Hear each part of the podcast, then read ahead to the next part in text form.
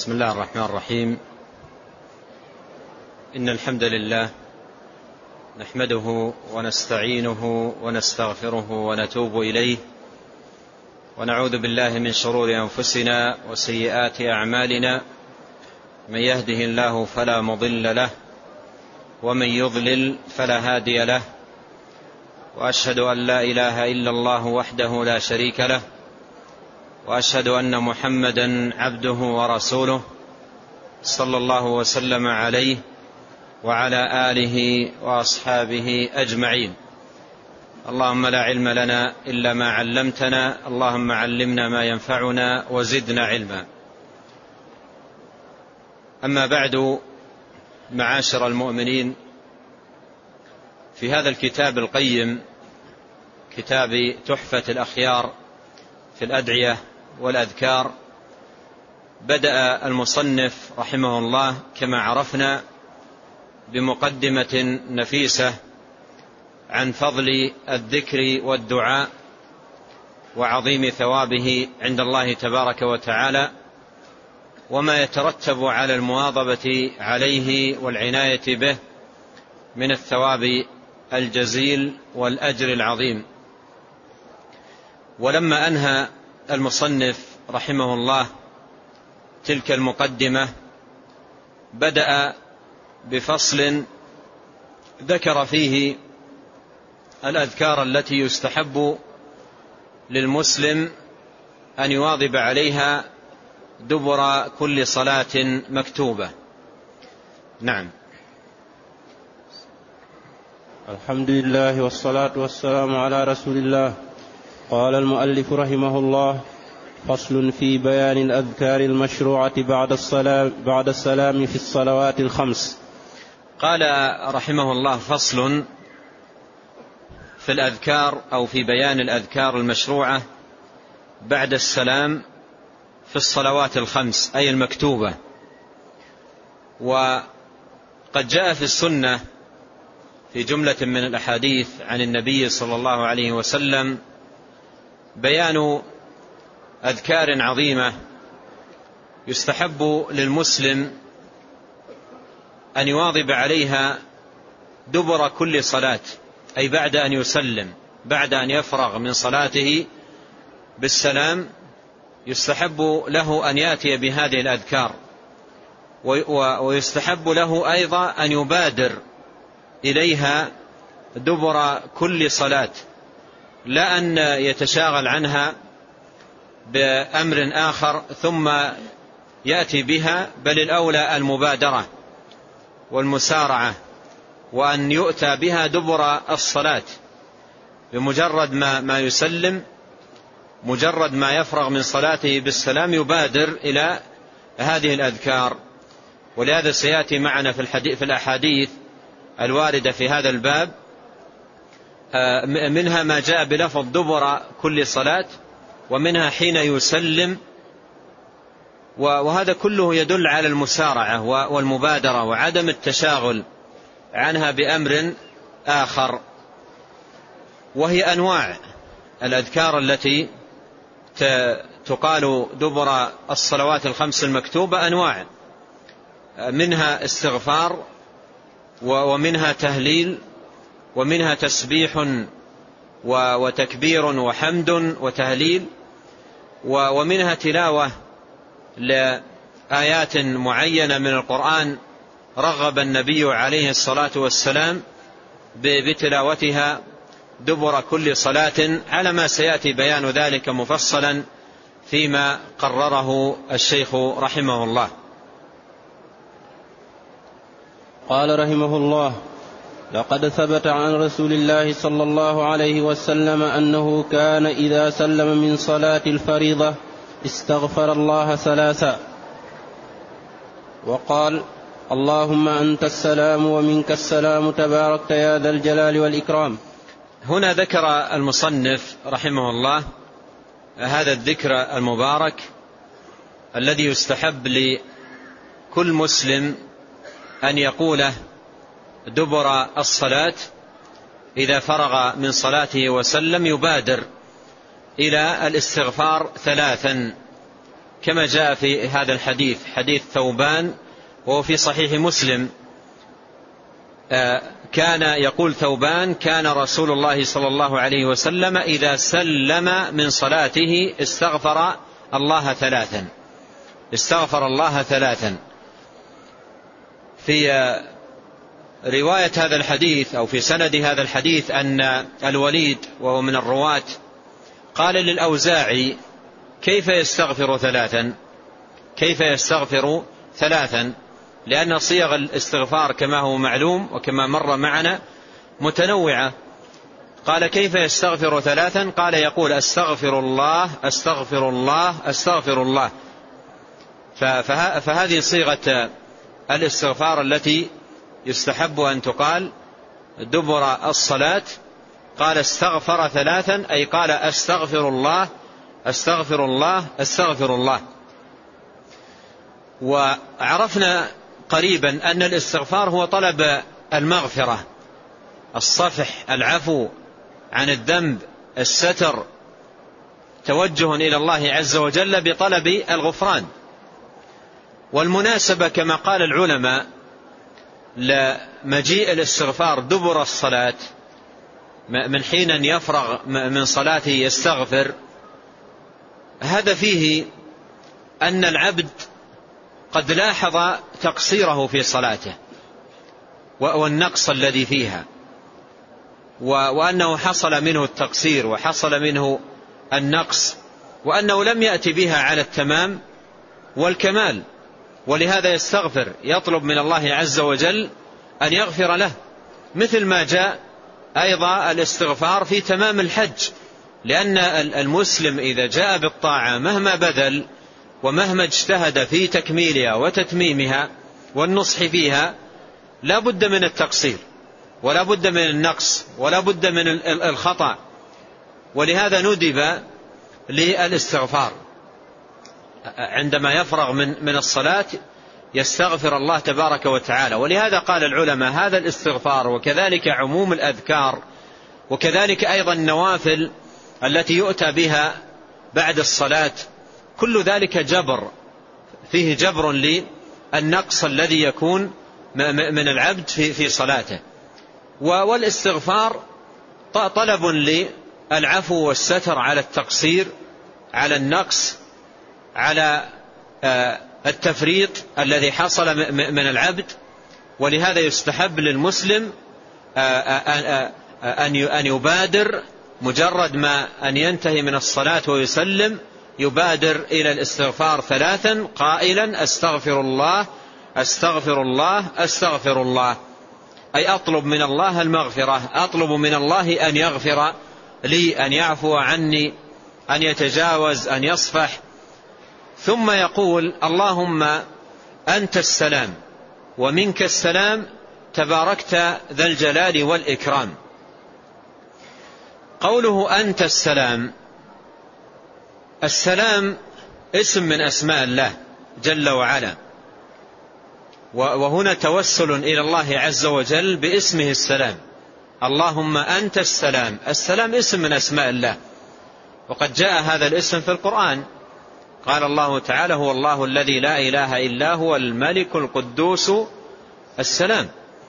فالسلام اسم من أسماء الله وهو كما قال العلماء من أسماء التنزيه من أسماء التنزيه لأن الأسماء الحسنى آه، باعتبار ما تدل عليه تنقسم إلى أقسام من أقسامها أسماء التنزيه. يعني الأسماء التي تتضمن في دلالتها تنزيها لله تبارك وتعالى عن النقص والعيب. مثل السلام ومثل القدوس ومثل آه، السبوح هذه كلها من أسماء التنزيه. فالسلام اسم من أسماء الله تبارك وتعالى فيه تنزيه الله. تنزيه الله تبارك وتعالى عن النقص وعن العيب. تنزيه الله تبارك وتعالى عن الند وعن الشريك وعن المثيل. تنزيه الله تبارك وتعالى عن أن يكون له مثل من, من خلقه تبارك وتعالى فالله منزه عن ذلك كله. واسمه السلام يدل على هذه المعاني. اسمه السلام فيه التنزيه لأن السلام يدل على صفة وهي السلامة. السلامة من النقص السلامة من العيب السلامة من وجود الند أو المثيل. فهنا توسل إلى الله بهذا الاسم. اللهم أنت السلام. أنت السلام. ويجب أن نعتقد أن كل اسم من أسماء الله تبارك وتعالى متضمن لثبوت صفة كمال لله سبحانه وتعالى. متضمن لثبوت صفة كمال لله جل وعلا. فهنا عرفنا أن اسمه تبارك وتعالى السلام يتضمن صفة السلامة أي السلامة من النقص السلامة من العيب السلامة من إضافة المثيل له أو الند أو الشريك فكل ذلك الرب تبارك وتعالى متنزه عنه. اللهم أنت السلام ومنك السلام ومنك السلام. يعني ما يعني ما يكون للعبد من سلامة وعافية ووقاية من الشرور كل ما كل ما يقع للعبد من ذلك هو ممن؟ من الله منك السلام. والجملة هنا قوله منك السلام فيها تقديم وتأخير. تقديم ما حقه التأخير. فأصل أصل الجملة السلام منك. لكن قدم الخبر فأفاد الحصر. السلام منك السلام من الله. فقدم قال منك السلام. فهذا من أساليب الحصر. السلام منك أي لا, لا يطلب من غيرك ولا يلتجى فيه إلى غيرك. فالسلام الذي يكون للعبد الأمن العافية الصحة الوقاية من الشرور كل ذلك ممن؟ من الله سبحانه وتعالى. لا يطلب إلا من الله ولا ينال إلا إلا من الله سبحانه وتعالى. ما يفتح الله للناس من رحمة فلا ممسك لها وما يمسك فلا مرسل له من بعده. إن يمسسك الله بضر فلا كاشف له إلا هو. فالأمر بيد الله سبحانه وتعالى. الأمر بيد الله. وهذا فيه إخلاص وإقبال وفيه توجه إلى الله سبحانه وتعالى في, في طلب السلامة في طلب العافية في طلب الوقاية من من الشرور بقولك ومنك السلام. ومنك السلام أي منك يطلب. وإليك فيه يلتجى ولا يلتجى إلى أحد سواك. ومنك السلام. اللهم أنت السلام ومنك السلام. أنت السلام أي الذي السلام اسمك والسلامة وصفك وأنت المنزه عن النقص والعيب. ونحن عبادك فقراء إلى الله وعرضة فقراء إليك وعرضة للشر عرضة للآفات عرضة للمصائب عرضة إلى لهذه الأشياء والسلام منك يطلب. فنحن نلتجئ إليك في, في طلب ذلك. ومنك السلام. تباركت يا ذا الجلال والإكرام. تباركت أي تعاليت.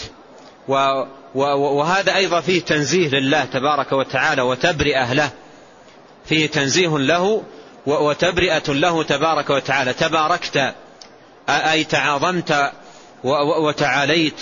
يا ذا الجلال والإكرام وذو بمعنى صاحب ويا ذا الجلال والإكرام أي صاحب الجلال والإكرام والجلال والإكرام وصفان لله تبارك وتعالى وصفان لله تبارك وتعالى. الجلال دال على كماله سبحانه وتعالى وعظمة صفاته دال على كماله وعظمة صفاته جل وعلا وعظمة نعوته فهو ذو الجلال الكامل في أوصافه الكامل تبارك وتعالى في في نعوته الذي لا لا نقص فيه سبحانه وتعالى بوجه من الوجوه. والإكرام دال على سعة منه ووافر عطائه وجزيل إنعامه وأن النعم كلها منه تبارك وتعالى والفضل فضله والعطاء عطاؤه والمن منه تبارك وتعالى فهو جل وعلا ذو الجلال والإكرام. فهذا فيه أيضا حسن التوسل إلى الله تبارك وتعالى. فهذه يؤتى بها عقب الاستغفار ثلاث مرات. أستغفر الله أستغفر الله أستغفر الله اللهم أنت السلام ومنك السلام تباركت ذا الجلال والإكرام أو تباركت يا ذا الجلال والإكرام. بعض العوام يلحن في, في, في هذه الكلمة لحنا أحيانا يغير المعنى ولا يحتاج أن نذكر أمثلة لكن بعض العوام يأتي بهذه الصيغة يأتي بهذه الصيغة اللهم أنت السلام ومنك السلام ولكنه يلحن فيها لحنا يغير المعنى. ولهذا ينبغي على المسلم أن يتعاهد نفسه في هذه الأذكار. يتعاهد نفسه في هذه الأذكار. ماذا يضرني لو أنني جلست مع طالب علم أو مع شيخ أو مع إمام المسجد وقلت له هل نطقي لهذه الكلمة صحيح أم عندي خطأ؟ أريد أن تصوبني. نتواضع. نتواضع لله حتى يرفعنا الله جل وعلا. من تواضع لله رفعه. نتواضع لله أجلس و و و وأنا أطلب أطلب أن أن يصح ذكري لله جل وعلا أن تصح ألفاظي أن لا يكون عندي خطأ. أحيانا بعض الأخطاء تغير المعنى. أحيانا بعض الأخطاء تغير المعنى تجعل المعنى معنى فاسد. وتجد بعض العوام مضى على هذا المعنى الفاسد عشرين سنة ثلاثين سنة. لماذا؟ لماذا يستمر؟ والخير أمامه والأمر متيسر. ولهذا ينبغي على علينا أن نتعاهد هذه الأذكار و و وأن نصححها. والصحابة كانوا يفعلون ذلك. البراء لما علمه النبي عليه الصلاة والسلام ماذا يقول عند النوم؟ قال تقول اللهم إني أسلمت نفسي إليك ووجهت وجهي إليك وفوضت أمري إليك وألجأت ظهري إليك لا ملجأ ولا منجى منك إلا إليك. آمنت بكتابك الذي أنزلت وبنبيك الذي أرسلت. فقرأها البراء أمام النبي. عليه الصلاة والسلام. لماذا هذه القراءة؟ لماذا هذه القراءة؟ حتى الإنسان ينظر صحة نطقه صحة إتيانه بها فقرأها عند النبي عليه الصلاة والسلام. اللهم إني أسلمت نفسي إليك ووجهت وجهي إليك وفوضت أمري إليك وألجأت ظهري إليك. لا ملجأ ولا منجى منك إلا إليك. آمنت بكتابك الذي أنزلت وبرسولك الذي أرسلت. قال له النبي صلى الله عليه وسلم لا وبنبيك الذي أرسلت. قال له لا وبنبيك الذي أرسلت. صححها له. فانظر فائدة العرض. انظر فائدة العرض. أحيانا قد تظن أنك مصيب لكن إذا عرضت إذا عرضت يتبين لك الخطأ. قديما كانوا العلماء في قضية كتابة الحديث كتابة الحديث ونقله من أفواه العلماء. فكان بعض الأشياخ يسأل تلميذه يقول كتبت يقول نعم. يقول عرضت فإذا قال لا قال لم تكتب. لم تكتب. يعني كأنك لم تكتب. إذا لم تعرض لأن بالعرض بالعرض يتبين. أما بمجرد التلقي بدون عرض ما يتبين للإنسان خطأه ولهذا ينبغي على على على المسلم أن يتواضع. يتواضع ويعرض ما عنده. على إمام المسجد على أحد طلبة العلم على أحد المشايخ يقول أنا بعد الصلاة أقول هكذا. هل هذا صحيح أو لا؟ إذا قال صحيح يحمد الله جل وعلا ما ضره هذا العرض. هذا رفعة له عند الله لأنه طلب صحة دينه طلب صحة دعائه طلب صحة ذكره لله تبارك وتعالى. فهذه حقيقة مسألة مهمة جدا لأنه يلاحظ على بعض العوام يخطي خطأ فادحا أحيانا يغير المعنى وينقله نقلة بعيدة عن المعنى الذي يدل عليه الذكر المأثور عن النبي صلى الله عليه وسلم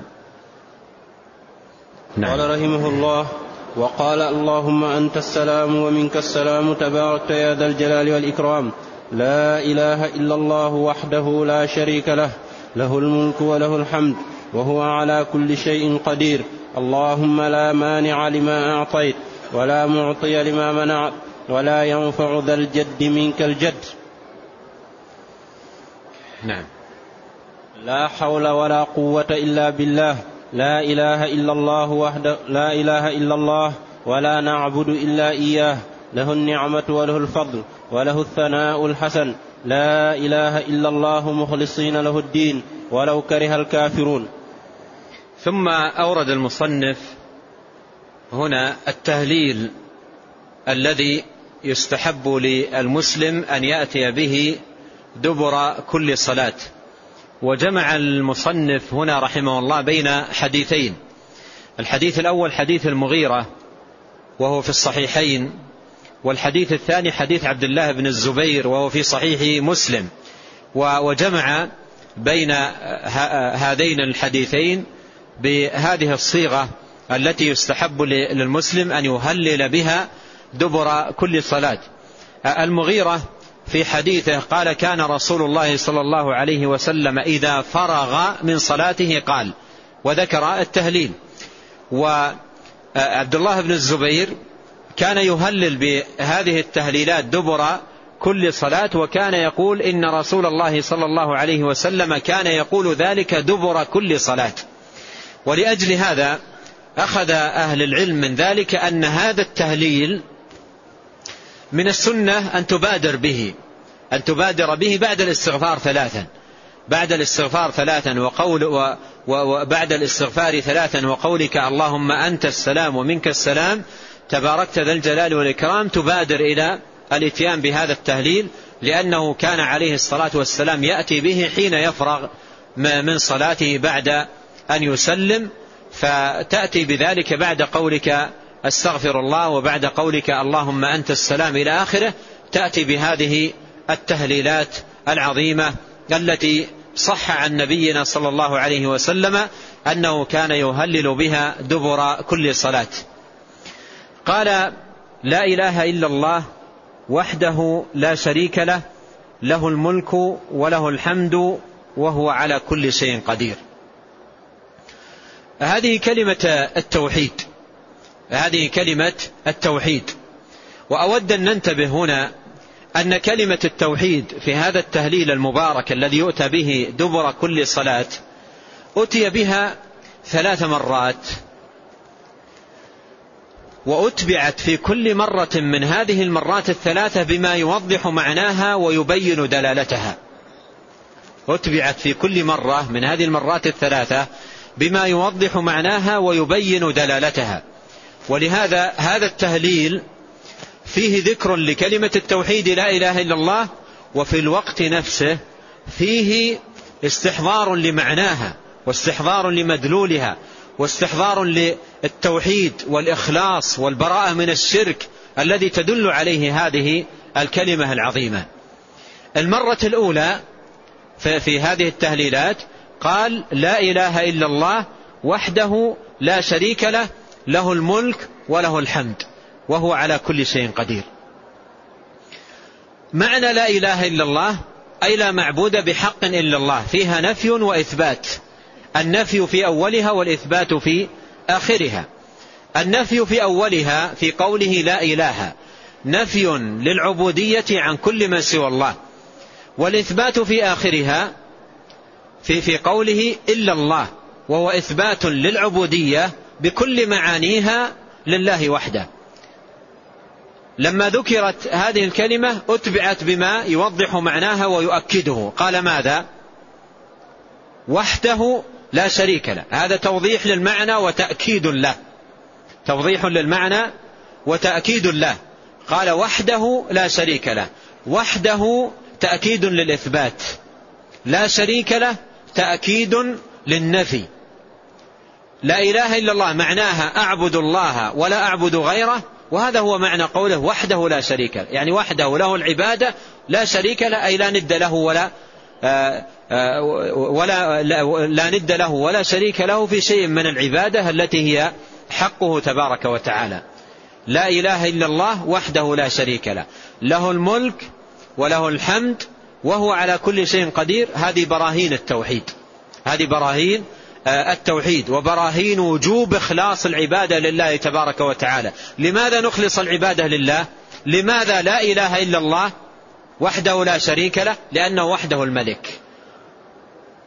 لأنه وحده الملك وحده الذي له الحمد وحده الذي على هو على كل شيء قدير. فمن هذا شأنه عز وجل هو الذي يستحق أن تصرف له العبادة. أما من سواه ممن لا يملك لنفسه نفعا ولا ضرا ولا موتا ولا حياة ولا نشورا فإنه لا يستحق من العبادة أي شيء. لا يستحق العبادة إلا الملك الذي له الحمد الذي هو على كل شيء قدير. هذا الذي يستحق أن تصرف له العبادة ولا تصرف لأحد سواه.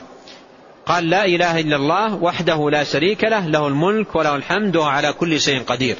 اللهم لا مانع لما أعطيت ولا معطي لما منعت ولا ينفع ذا الجد منك الجد. آه اللهم لا مانع لما أعطيت ولا معطي لما منعت. هذا مما يتعلق بتوحيد الربوبية وهو أيضا من براهين توحيد الألوهية. اللهم لا مانع لما أعطيت ولا معطي لما منعت. أي أنك مختص بالعطاء والمنع الخفض والرفع القبض والبسط الإعزاز والإذلال. الأمر بيدك وحدك لا, لا شريك لك. لا مانع لما أعطيت. إذا كتبت للعبد عطاء كتبت له منة كتبت له رحمة كتبت له رزقا هل أحد يملك منعه؟ ما يفتح الله للناس من رحمة فلا ممسك لها. ما يفتح الله للناس من رحمة فلا ممسك لها.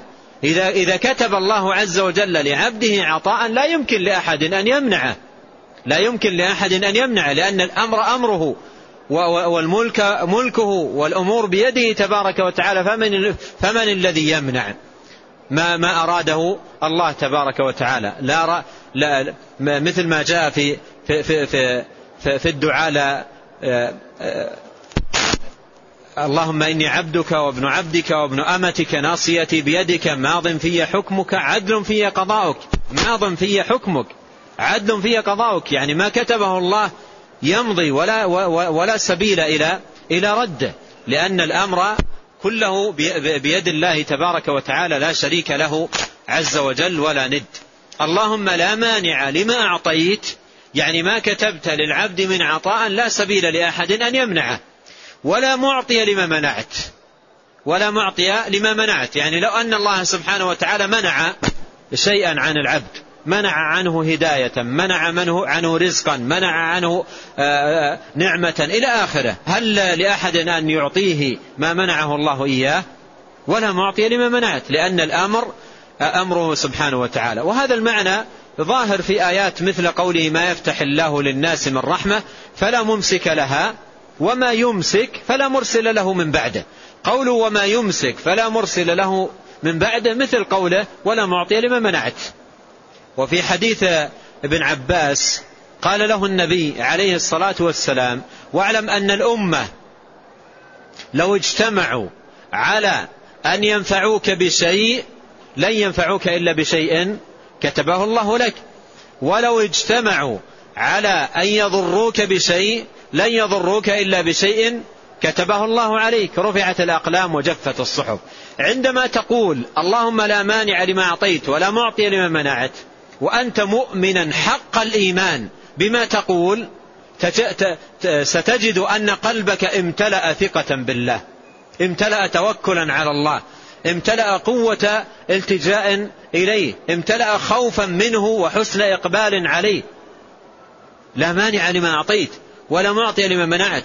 لكن عندما يضعف إيماننا بهذه الكلمة تجد ماذا؟ تجد نقص التوكل ضعف الثقة ارتخاء في الطلب إلى غير ذلك من الأمور التي تنشأ بسبب ضعف الإيمان.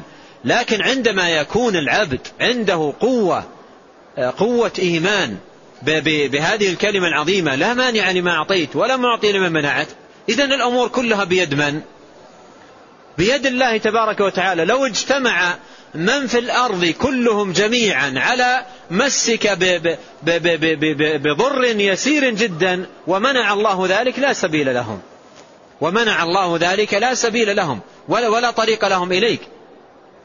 الله عز وجل هو القاهر فوق عباده الذي بيده أزمة الأمور ومقاليد السماوات والأرض سبحانه وتعالى.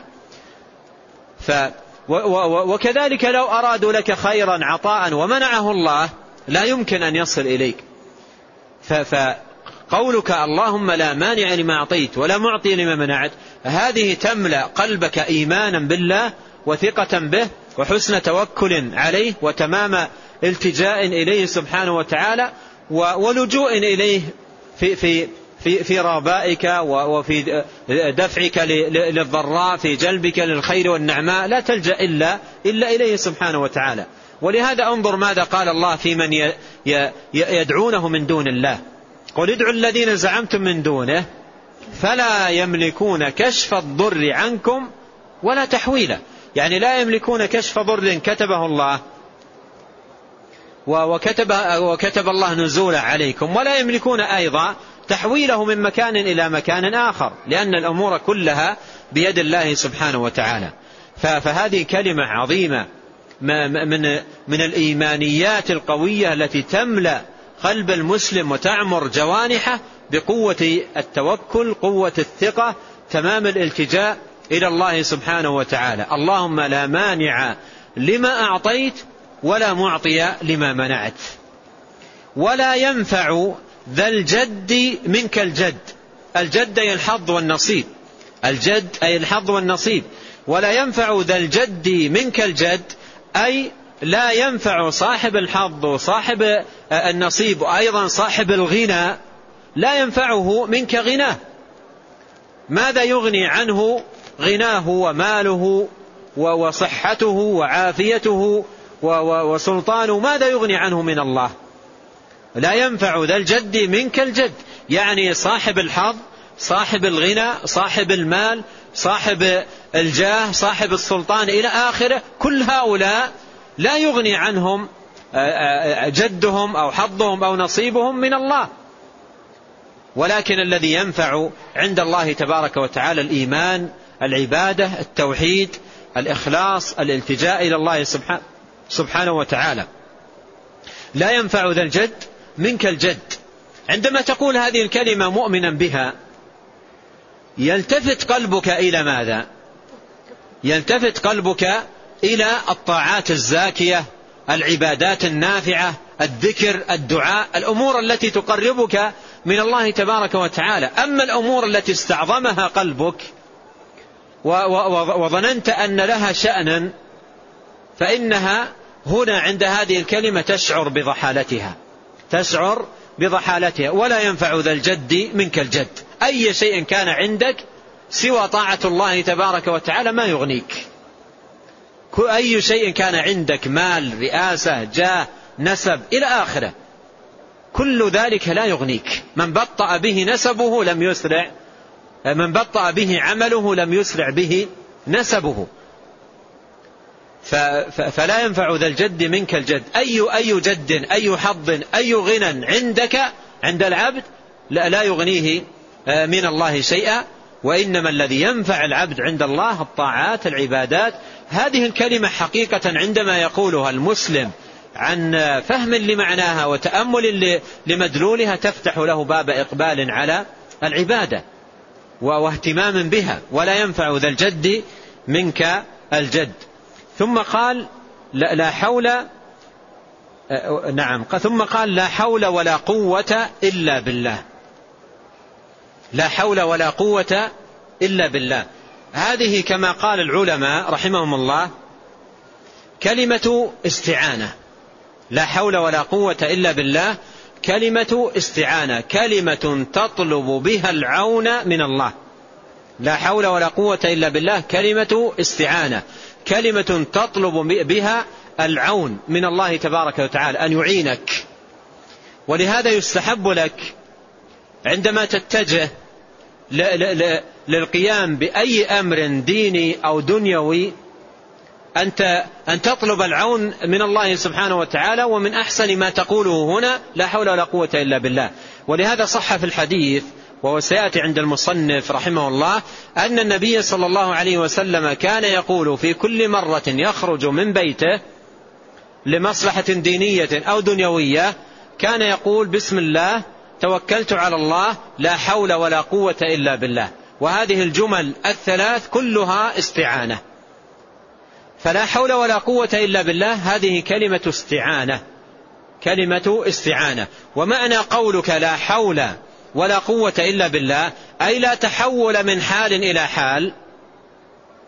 ولا حصول قوة للعبد ينال بها مطلوبه ويذهب بها إلى مراده إلا بالله تبارك وتعالى. لا تحول من, لا تحول من مرض إلى صحة ومن ضعف إلى قوة ومن معصية إلى طاعة ومن ضلال إلى هدى إلا بمن؟ إلا بالله تبارك وتعالى لا حول ولا قوة إلا بالله. يعني لا تحول من حال إلى حال إلا بالله تبارك وتعالى. شرع لنا إذا نادى المنادي للصلاة قائلا حي على الصلاة حي على الفلاح أي تعالوا لأداء هذه الصلاة وتعالوا لكسب ثوابها وأجرها. شرع لنا أن نقول ماذا؟ لا حول ولا قوة إلا بالله. يعني نقولها مستعينين نطلب عون الله. نطلب عون الله أن يعيننا لنصلي. لولا الله ما اهتدينا ولا صمنا ولا صلينا. ولهذا يشرع لنا أن نستعين. قائلين لا حول ولا قوة إلا بالله. فهذه كلمة استعانة. لا حول ولا قوة إلا بالله. ثم قال بعد ذلك لا إله إلا الله ولا نعبد إلا إياه. له النعمة وله الفضل وله الثناء الحسن. لا إله إلا الله ولا نعبد إلا إياه. كما قلت قريبا لا إله إلا الله في كل مرة من هذه المرات الثلاث أتبعت بماذا؟ بما يبين معناها. المرة الأولى أتبعت بوحده لا شريك له وهنا أتبعت لا نعبد إلا إياه. لا نعبد إلا إياه. لا إله إلا الله معناها ماذا؟ لا نعبد إلا إياه فهي أتبعت بما يبين معناها بما يجعلك تستحضر معنى ما تقول. فأنت تقول لا إله إلا الله وتقول بعدها ما يجعلك تستحضر مدلولها ومعناها. لا إله إلا الله ولا نعبد إلا إلا إياه. ولا نعبد إلا إياه. فمعنى لا إله إلا الله أن نخص الله تبارك وتعالى بالعبادة لأن الإله في قولنا لا إله هو المعبود. ولا إله إلا الله أي لا معبود بحق إلا الله؟ فمعنى لا إله إلا الله أن لا نعبد إلا الله لا نصرف شيئا من العبادة إلا لله تبارك وتعالى.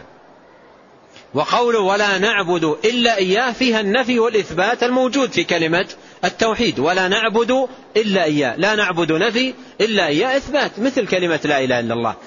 فهي, فهي موضحة ومبينة لكلمة التوحيد لا إله إلا الله.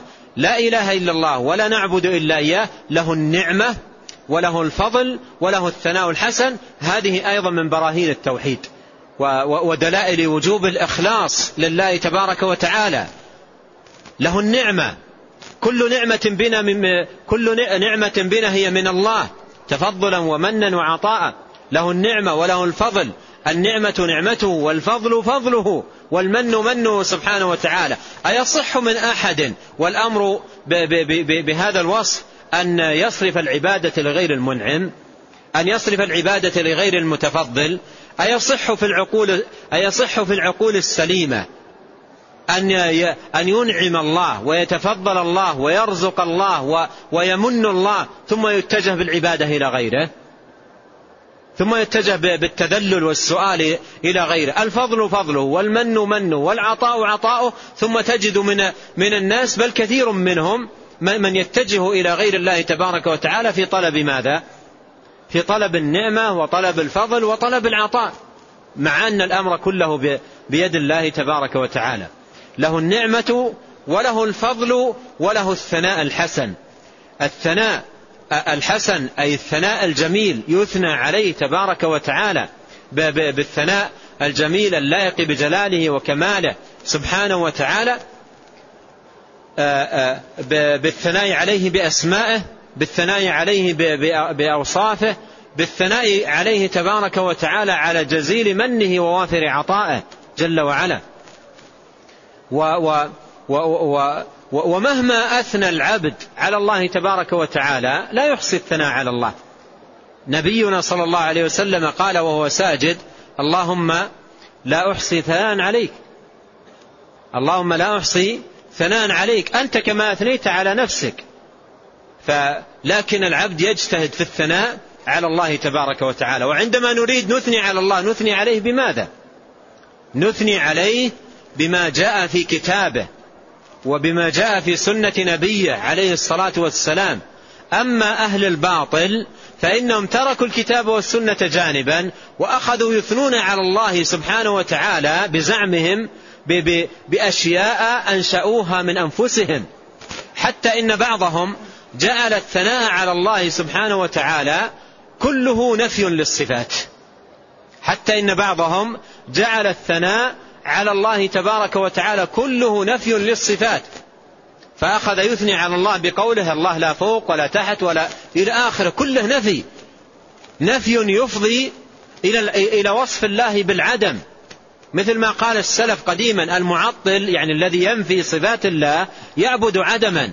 ثم هذا المعطل يظن أن هذا النفي الذي يمارسه في حق الله هو ثناء على الله مع أنه ماذا في الحقيقة؟ نفي وتعطيل وجحد لأسماء الله وصفاته. فالشاهد أن الثناء الحسن على الله تبارك وتعالى أن تثني عليه بماذا؟ أن تثني عليه بأسمائه بصفاته بجلاله بكماله بما دل عليه كتابه وبما دلت عليه سنة نبيه صلوات الله وسلامه عليه. ثم قال لا إله إلا الله مخلصين له الدين ولو كره الكافرون. أيضا هذه التهليلة الثالثة. هي ثلاث تهليلات. ثلاث تهليلات ويا إخوان جميل أن نضبط الثلاث التهليلات وما أتبعت كل واحدة منه منها. التهليلة الأولى أتبعت بماذا؟ وحده لا شريك له له الملك وله الحمد على كل شيء قدير. التهليلة الثانية أتبعت بماذا؟ ولا نعبد إلا إياه له النعمة وله الفضل وله الثناء الحسن. التهليلة الثالثة لا إله إلا الله مخلصين له الدين ولو كره الكافرون. ذكرت لكم أن كل تهليلة من هذه التهليلات أتبعت بما ما يوضح معنى كلمة التوحيد وما يؤكد مدلولها. فهنا قال لا إله إلا الله مخلصين له الدين. لو قلت لكم ما معنى لا إله إلا الله على ضوء هذه التهليلة الثالثة ما معنى لا إله إلا الله؟ إخلاص الدين لله. إخلاص الدين لله هذا معناها. معنى لا إله إلا الله إخلاص الدين لله تبارك وتعالى. هذا هو معنى لا إله إلا الله. وما هو الإخلاص؟ ما هو الإخلاص؟ الإخلاص في, في, في, في الدين الإخلاص في العبادة. مخلصين له الدين يعني العبادة والطاعة. الإخلاص في الدين أن يكون الدين صافيا نقيا لا يراد به إلا من؟ إلا الله سبحانه وتعالى. هذا المراد بالإخلاص أن الخالص لغة الصافي النقي. إذا أردت أن تعرف معنى الإخلاص لغة اقرأ ما جاء في سورة النحل في قوله تعالى وإن لكم في الأنعام لعبرة نسقيكم مما في بطونه من بين فرث ودم لبنا خالصا سائغا للشاربين. خالصا هذه صفة لماذا؟ خالصا هذه صفة للبن. صفة للبن من أين خرج؟ من بين فرث ودم. صفة للبن من أين خرج؟ خرج من بين فرث ودم. حتى إن بعض أهل الخبرة بعض أهل الخبرة يقولون إن اللبن عندما يحلب من ضرع بهيمة الأنعام عند حلبه للتو عند حلبه يخرج من بين الفرث والدم. يخرج من بين الفرث والدم. حتى إن الناقة لما يريد صاحبها أن يحلبها إذا جاء إلى ضرعها ليحلب يحلب ما يخرج حليب. ما يجد فيه حليبا. ما ما تدر ما تدر له الحليب. فيحلب وما, وما يخرج الحليب. فيضطر يأتي بولدها. يأتي بولدها عندها فإذا رأت ولدها قريبا من من ضرعها درت. فولدها يرضع من جنب وصاحب الناقة يحلب ثديها من جنب الآخر. وإلا ما يجد حليبا. يعني يأتي عند الثدي ويفعل بيده يشخب الحليب يسحب الحليب. ما يخرج. ما يجد شيئا. فيأتي بولدها إذا اقترب ولدها من الضرع والتفتت ورأت ولدها قريبا من ضرعها درت له الحليب. فبدأ يحلب هو من جهة وولدها يرضع من الجهة الثانية. فالحليب يخرج الحليب يخرج من بين فرث ودم. الحليب يخرج من بين فرث ودم. بماذا وصفه رب العالمين؟ خالصا. ما معنى خالصا؟ أي صافيا نقيا. لا ترى فيه نقطة دم ولا ترى فيه قطعة فرث. صافي. خالص أي صافي. نقي. لا, لا ترى فيه نقطة دم ولا ترى فيه قطعة فرث. وأيضا في الوقت نفسه سائغا للشاربين. أنت تعرف من أين خرج؟ أنت تعرف من أين خرج؟ ثم تشربه وتقول ما ألذ هذا اللبن. تقول ما, ما, ألذ, ما, ما ألذ هذا اللبن وما أحلى طعمه وما أهنأه. وأنت تعرف من أين من أين خرج. أظن اليوم بعد الدرس تشترون اللبن. آه، فتقول ما أهنأ هذا اللبن وما أحسن طعمه. والشاهد أنه أن, أن هذا يوضح لنا معنى الإخلاص. معنى الإخلاص. قال خالصا سائغا للشاربين. خالصا أي صافيا نقيا نرجع إلى إلى مقصودنا.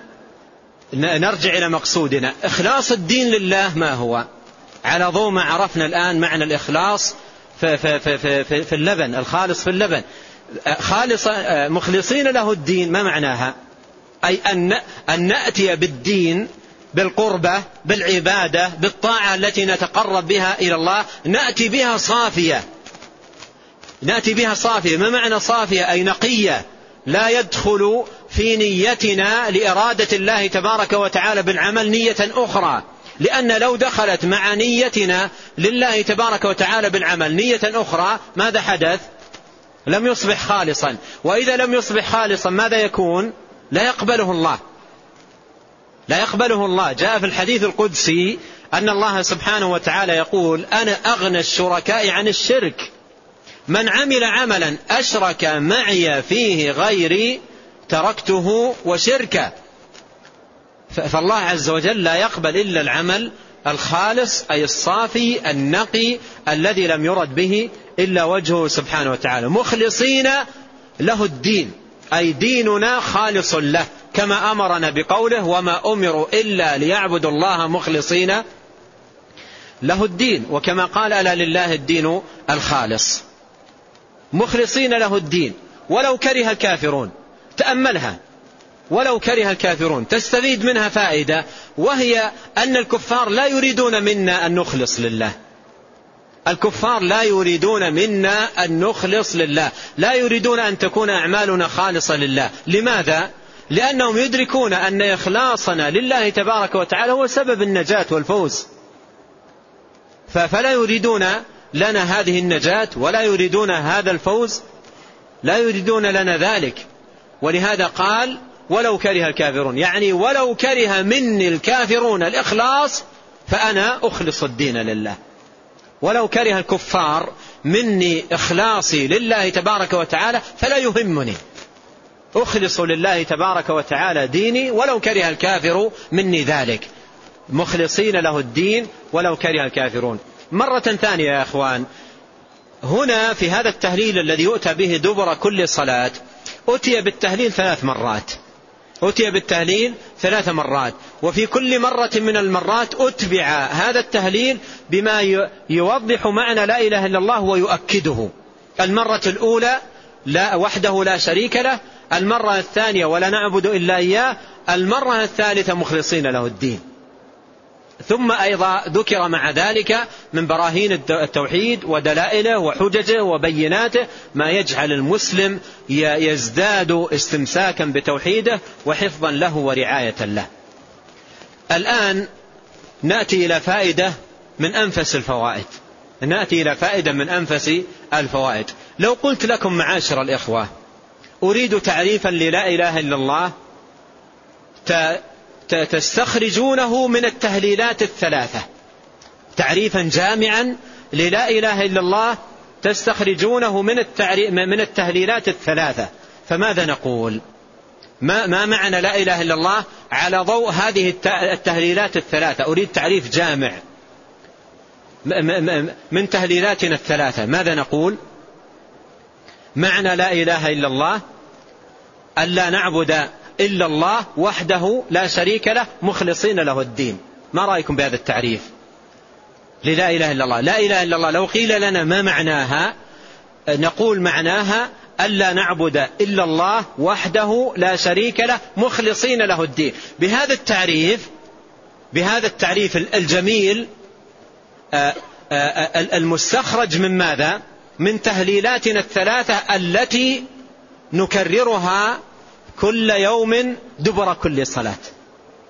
وبهذا نعرف أيضا قيمة السنة وقيمة التهليل المبارك الذي علمنا إياه النبي عليه الصلاة والسلام لنقوله دبر كل صلاة. تعريف واضح جميل آه، آه، تام كامل لهذه الكلمة. بينما الآن تسأل بعض الناس وتقول له ما معنى لا إله إلا الله تجد يخطي في معناها. تجد يخطي في معناها. بعضهم يقول لا إله إلا الله أي لا خالق إلا الله سبحان الله نعم لا خالق إلا الله لكن ليس هذا هو معنى لا إله إلا الله. لا إله إلا الله في باب العبادة والتوحيد والإخلاص والبراءة من الشرك. لو كان معنى لا إله إلا الله لا خالق إلا الله أكان المشركون الذين في زمنه عليه الصلاة والسلام يرفضونها؟ وهم الذين يقرون أنه لا خالق إلا الله أكانوا يرفضونها؟ لا ما يرفضونها. لأنهم يعرفون أن معناها ليس لا خالق إلا الله وإنما معناها ألا نعبد إلا الله مخلصين له الدين. ولهذا في القرآن إنهم كانوا إذا قيل لهم لا إله إلا الله ماذا؟ يستكبرون ويقولون أئنا لتاركوا آلهتنا لشاعر مجنون. عرفوا أن لا إله إلا الله تعني ماذا؟ ترك عبادة الآلهة. وقالوا بينهم متواصين. وانطلق الملأ منهم أن امشوا واصبروا على آلهتكم. إن هذا شيء إن هذا لشيء يراد. يعني لا تقولوا لا إله إلا الله. لأن لا إله إلا الله إن قلتموها فإن ذلك يعني بطلان عبادة الآلهة وإفراد الله سبحانه وتعالى بالعبادة. وعلى كل حال نحن بين يدينا تفسير نبينا عليه الصلاة والسلام الذي لقنه الأمة لتقوله كل يوم دبر كل صلاة. ولهذا إذا قيل لنا ما معنى لا إله إلا الله فإن خير تفسير نقوله هو هذا التفسير الذي أخذ من مجموع هذه التهليلات أي لا نعبد إلا إياه مخ وحده لا شريك له مخلصين له الدين. لا نعبد إلا إياه وحده لا شريك له مخلصين له الدين. نعم. قال رحمه الله ويسبح ثلاثا وثلاثين ويحمده مثل ذلك ويكبره مثل ذلك ويقول تمام المئة لا إله إلا الله وحده لا شريك له له الملك وله الحمد وهو على كل شيء قدير. ثم ذكر هنا التسبيح والتحميد والتكبير التسبيح والتحميد والتكبير وثلاثا وثلاثين وتمام المئة يقول لا إله إلا الله وحده لا شريك له له الملك وله الحمد على كل شيء قدير. آه، هنا في أحاديث منها حديث أبي هريرة منها حديث أبي هريرة في صحيح مسلم. ذكر هذه التسبيحات وختمها بالتهليل وقال النبي صلى الله عليه وسلم أن من قالها غفرت له ذنوبه ولو كانت مثل زبد البحر. غفرت له خطاياه ولو كانت مثل زبد البحر. وهذا ثواب عظيم لمن يحافظ على هذه التسبيحات دبر كل صلاة. أن يقول سبحان الله ثلاثا وثلاثين. والحمد لله ثلاثا وثلاثين. والله أكبر ثلاثا وثلاثين. ثم يقول تمام المئة لا إله إلا الله وحده لا شريك له له الملك وله الحمد وهو على كل شيء قدير. والسنة أن يعقد هذه التسبيحات بيده. يعقد هذه التسبيحات بيده كما كان عليه الصلاة والسلام. قال أنس رضي الله عنه رأيت رسول الله صلى الله عليه وسلم يعقد التسبيح بيده في رواية بيمينه. فمن السنة أن يعقد التسبيحات بيده اليد اليمنى. ومن من أهل العلم من قال تسبح باليدين الاثنتين. على خلاف في, في, في, في الكلام على معنى الحديث أو مدلول الحديث أو رواية الحديث فعلى كل حال يسبح بيده اليمنى وإن سبح معها باليسرى لا حرج كما قال بعض أهل العلم والأولى أن يعقد التسبيح بيمينه أن يعقد التسبيح بيمينه كما كان يفعل عليه الصلاة والسلام. يعقدها بيمينه عقدا يثني الإصبع هذه تسبيحة ثم يثني الثاني هذه تسبيحة والثالث هذه تسبيحة إلى أن يتم له بهذا العقد عشرا. ومن العلم من أهل العلم من قال إن صفة العقد أن يشير بالأبهام على الأصبع ثلاث مرات. في في مثاني الأصبع فيكون في الأصبع الواحد ثلاث تسبيحات وفي اليد خمسة خمس عشرة تسبيحة والطريقة الأولى فيها عشر تسبيحات. والذي يظهر أن الأولى الأولى لأن فيها معنى العقد. يعقد التسبيح بيده بهذه الطريقة وإن فعل الطريقة الثانية الأمر واسع إن شاء الله. فيعقد بيمينه فيتم له بالعقد والبسط عشر. فيحسب بيده اليسرى واحدة. هذه عشر ثم يبدأ الثانية. فهذه عشرين ثم الثالثة هذه ثلاثين ثم يعد ثلاثا. فتمت التسبيحات ثلاثا وثلاثين. ثم ينتقل للتحميد ثم ينتقل للتكبير فأصبح المجموع تسعا وتسعين فيقول تمام المئة لا إله إلا الله وحده لا شريك له.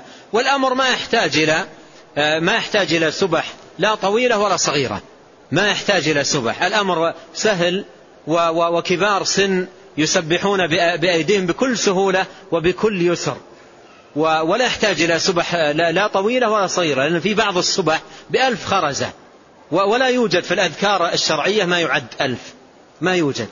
في الأذكار الشرعية ما يعد ألف مرة لا يوجد. في تسبيحات مطلقة بدون عدد. ما شئت قل لكن دون أن تعد ألف فخرز سبحة بألف خرز هذا ما يوجد أصلا ذكر تعد فيه ألف تسبيحة. وبعض الناس يحمل نفسه يحمل نفسه آه، سبح آه، طويلة. أنا مرة رأيت مع واحد سبحة بألف خرزة وخرزاتها طوال وقلت في نفسي كيف يحملها هذه؟ ثم وجدت أنه إذا أراد أن يقوم ما يستطيع يحملها بيده يعلقها بعنقه ويقوم. لماذا؟ من الذي كلفك هذا؟ من الذي كلفك آه، ما يحتاج الأمر؟ الأمر لا على, على أنه أيضا في زمن النبي عليه الصلاة والسلام كانت توجد الخرزات ويوجد النظم. والتسبيح تنزيه الله تبارك وتعالى والتحميد الثناء عليه سبحانه مع حبه والتكبير آه، الإيمان والاعتقاد بأنه آه، أكبر من كل شيء وأنه سبحانه وتعالى الكبير المتعال. والتهليل توحيد الله عز وجل وإخلاص الدين له. ولهذا يجمل بالمسلم ويحسن به عندما يأتي بهذه الكلمات التي أحب الكلام إلى الله عز وجل أن يقول أن يقولها متأملا لمعناها عارفا بمدلولها محققا في قلبه ما تدل عليه من التعظيم والتنزيه والإجلال والإخلاص لله تبارك وتعالى. نعم. قال رحمه الله ويقرأ آية الكرسي. ويقرأ آية الكرسي أي دبر كل صلاة. دبر كل صلاة مكتوبة لحديث أبي أمامة رضي الله عنه في سنن النساء أن النبي صلى الله عليه وسلم قال من قرأ آية الكرسي دبر كل صلاة مكتوبة لم يمنعه من دخول الجنة إلا أن يموت.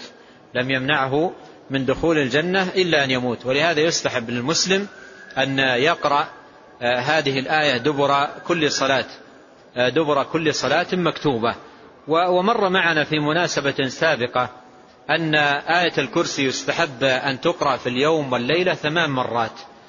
خمس مرات أدبار الصلوات المكتوبة ومرة عند النوم عندما يأوي إلى فراشه ومرتين في أذكار الصباح والمساء. نعم. قال رحمه الله وقل هو الله أحد وقل أعوذ برب الفلق وقل أعوذ برب الناس بعد كل صلاة. وهذا أيضا ورد فيه حديث عقبة بن عامر رضي الله عنه قال أمرني رسول الله صلى الله عليه وسلم أن أقرأ بالمعوذات دبر كل صلاة. أن أقرأ بالمعوذات دبر كل صلاة. والمعوذات آه، تتناول هذه السور الثلاث. قل هو الله أحد وقل أعوذ برب الفلق وقل أعوذ برب الناس. وقد أطلق على ثلاثتها المعوذات على وجه التغليب كما قال ذلك الحافظ ابن حجر رحمه الله وغيره من أهل, أهل العلم. قيل لها المعوذات تغليبا. قل هو الله أحد وقل أعوذ برب الفلق وقل أعوذ برب الناس. فمن السنة أن تقرأ دبر كل صلاة. نعم. قال رحمه الله ويستحب تكرار هذه السور الثلاث ثلاث مرات. بعد صلاة الفجر وصلاة المغرب لورود الحديث الصحيح بذلك عن النبي صلى الله عليه وسلم. يشير إلى حديث عبد الله بن خبيب رضي الله عنه وسيأتي عند المصنف والكلام على معناه في أذكار الصباح والمساء. سيأتي نصه عند المصنف رحمه الله. نعم. قال رحمه الله كما يستحب أن يزيد بعد الذكر المتقدم بعد صلاة الفجر وصلاة المغرب قول لا إله إلا الله وحده لا شريك له له الملك وله الحمد يحيي ويميت وهو على كل شيء قدير. عشر مرات لثبوت ذلك عن النبي صلى الله عليه وسلم. وهذا أيضا سيأتي عند المصنف آه، رحمه الله في أذكار الصباح والمساء. سيأتي نص الحديث عنده والكلام أيضا على معناه. نعم. قال رحمه الله وإن كان إماما انصرف إلى الناس وقابلهم بوجهه بعد استغفاره ثلاثا وبعد قوله اللهم أنت السلام ومنك السلام تباركت يا ذا الجلال والإكرام ثم يأتي بالأذكار ثم يأتي بالأذكار المذكورة. كما دل على ذلك أحاديث كثيرة عن النبي صلى الله عليه وسلم منها حديث عائشة رضي الله عنها في صحيح مسلم وكل هذه الأذكار سنة وليست فريضة. ثم نبه المصنف رحمه الله وغفر له وأسكنه الجنة على ما ما ينبغي للإمام أن يفعله. هل يأتي بهذه الأذكار دبر الصلاة وهو مستقبل القبلة أو وهو منصرف ومنفتل إلى الناس؟ فبين أن السنة في حق الإمام أنه إذا سلم من صلاته وهو مستقبل القبلة يستغفر ثلاثا ويقول اللهم أنت السلام ومنك السلام تباركت ذا الجلال والإكرام. ثم يستدير إلى المأمومين. يستدير إلى المأمومين ثم يأتي بالتهليلات. فيقول وهو مستقبل القبلة أستغفر الله أستغفر الله أستغفر الله. اللهم أنت السلام ومنك السلام تباركت ذا الجلال والإكرام. هذا يقوله وهو مستقبل القبلة. قال الشيخ لثبوت الأحاديث بذلك منها حديث عائشة رضي الله عنها. ثم بعد ذلك ينفتل من إلى المأمومين ويستقبل بوجهه المأمومين ويكمل التهليلات كما جاءت عن النبي صلى الله عليه وسلم. والله تعالى أعلم وصلى الله وسلم على نبينا محمد. هل قول تباركت وتعاليت يا ذا الجلال والإكرام ورد في السنة أم لا؟ الذي ورد هو اللفظ الذي مر معنا تباركت يا ذا الجلال والإكرام. ومعنى تباركت أي تعاليت وتعاظمت. هذا يقول هل يجوز فصل ذو الجلال والإكرام أو, أو تغييرها؟ كأن يقول الإنسان ذو الجلال والغفران. الجواب لا يجوز. ال- ال- ال- الذي ينبغي عن المسلم أن يتقيد بالسنة ولا يفتح لنفسه بابا للتغيير. وهذا التغيير مبني على عدم القناعة بما جاء عن النبي صلى الله عليه وسلم. وكأنه سيأتي بأمور من الذكر أكمل مما جاء به النبي عليه الصلاة والسلام. فالواجب على المسلم ألا يستحسن ألا يستحسن. الواجب عليه أن يتبع. وقد قال العلماء قديما من استحسن فقد شرع.